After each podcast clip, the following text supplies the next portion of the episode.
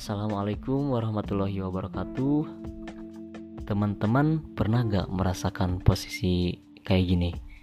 Kadang kita berpikir Kok hidup gua gini-gini aja gitu? Hidup gua ini monoton, gak ada perkembangan Gak kayak ngelihat orang lain. Kayaknya hidup orang lain itu sukses, sibuk, banyak aktivitas. Tentunya pernah kan gitu teman-teman berpikir kayak gitu. Dan gue sendiri pun pernah sama merasakan hal kayak gitu tuh merasa hidup gue monoton. Jadi kayak gini teman-teman.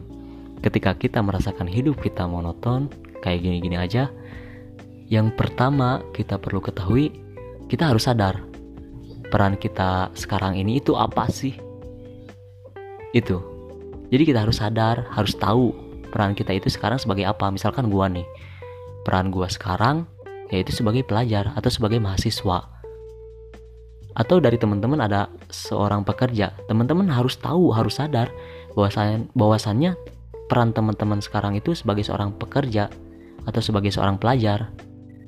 Kayak gitu teman-teman. Nah, dengan kita mengetahui peran kita itu apa, selanjutnya yaitu kita harus melaksanakan sesuatu, harus melakukan aktivitas sebagaimana mestinya peran itu dilakukan gitu. Jadi kayak gini misalkan gue sebagai seorang mahasiswa yang sebagaimana mestinya dilakukan seorang mahasiswa yaitu ketika perkuliahan ya gue masuk kelas masuk kampus untuk melaksanakan perkuliahan. Begitupun dengan seorang pekerja. Ketika waktu bekerja ya kita bekerja gitu. Ketika waktu istirahat ya gue gunain buat istirahat buat buat buat liburan gitu. Kayak gitu. Nah terus bagaimana kalau misalkan dari teman-teman gak tahu nih? Misalkan peran gue itu apa sih? Gue kagak tahu. Nah kalau masalah itu datang atau teman-teman sendiri gak tahu peran teman-teman itu seperti apa ya kita harus mempunyai tujuan. Yang membuat bingung itu ya karena kita gak punya tujuan. Misalkan kayak gini gue dari Tasik nih dan gue jalan. Ketika gue gak mempunyai tujuan otomatis gue bakal bingung. Gue mau berjalan ke mana nih? Gue harus berjalan kayak gimana sih? Itu karena gue sendiri gak punya tujuan pun dengan kehidupan kita gitu. Karena kita gak punya tujuan ya akhirnya kita bingung. Makanya kita harus mempunyai tujuan. Misalkan teman-teman mempunyai tujuan untuk menjadi seorang pembisnis yang kaya raya. Nah minimal dengan tahu tujuan kita menjadi pembisnis kaya raya otomatis kita akan mencari tahu sendiri. Bagaimana sih supaya kita bisa mencapai seorang pembisnis yang kaya raya atau misalkan teman-teman ingin menjadi seorang ilmuwan, ingin menjadi dosen, ingin menjadi dokter gitu kan. Otomatis minimal teman akan mencari tahu sendiri bagaimana sih supaya tujuan kita menjadi dosen, menjadi ilmuwan, menjadi dokter bisa tercapai. Dengan mencari tahu pasti tahu sedikit sedikit sedikit sedikit gitu dengan membaca buku atau mencari lingkungan yang relevan dengan tujuan kita, mencari informasi dengan hal itu. Itu teman-teman jadi intinya yang pertama kita harus sadar peran kita itu saat ini sebagai apa sih?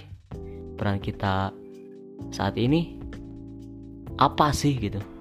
Nah, setelah itu kita harus juga mempunyai tujuan. Yang membuat kita bingung itu karena kita gak mempunyai tujuan. Nah, setelah kita mempunyai tujuan, otomatis kita akan berjalan dengan proses yang harus dihadapi. Gak mungkin dong kita mempunyai tujuan dan kita bisa langsung mencapai tujuan itu. Tentu ada beberapa rintangan yang harus kita hadapi.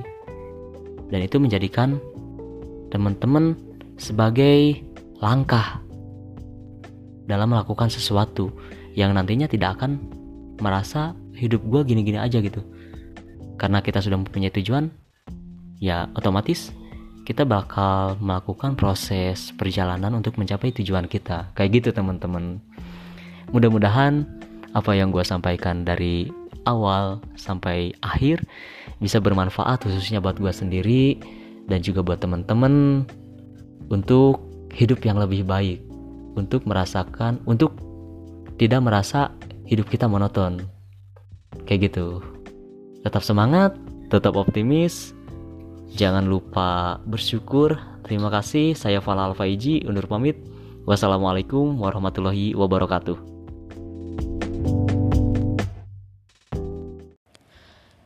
Indonesia ibarat kanvas polos tanpa warna.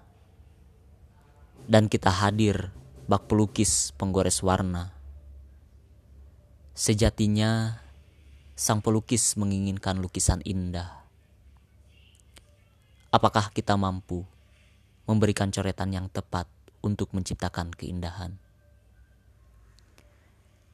Berbagai macam suku, ras, dan agama semua ada di Indonesia.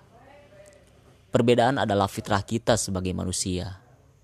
Kita harus mampu memadukan segala perbedaan menjadi sebuah keindahan. Mulailah dari hati nurani. Tingkatkan kualitas diri tanpa harus mencaci dan membenci. Itulah lukisan sejati untuk negeri. Indonesia ibarat kanvas polos tanpa warna. Dan kita hadir bak pelukis penggores warna. Sejatinya sang pelukis menginginkan lukisan indah. Apakah kita mampu memberikan coretan yang tepat untuk menciptakan keindahan? Berbagai macam suku, ras, dan agama semua ada di Indonesia Perbedaan adalah fitrah kita sebagai manusia.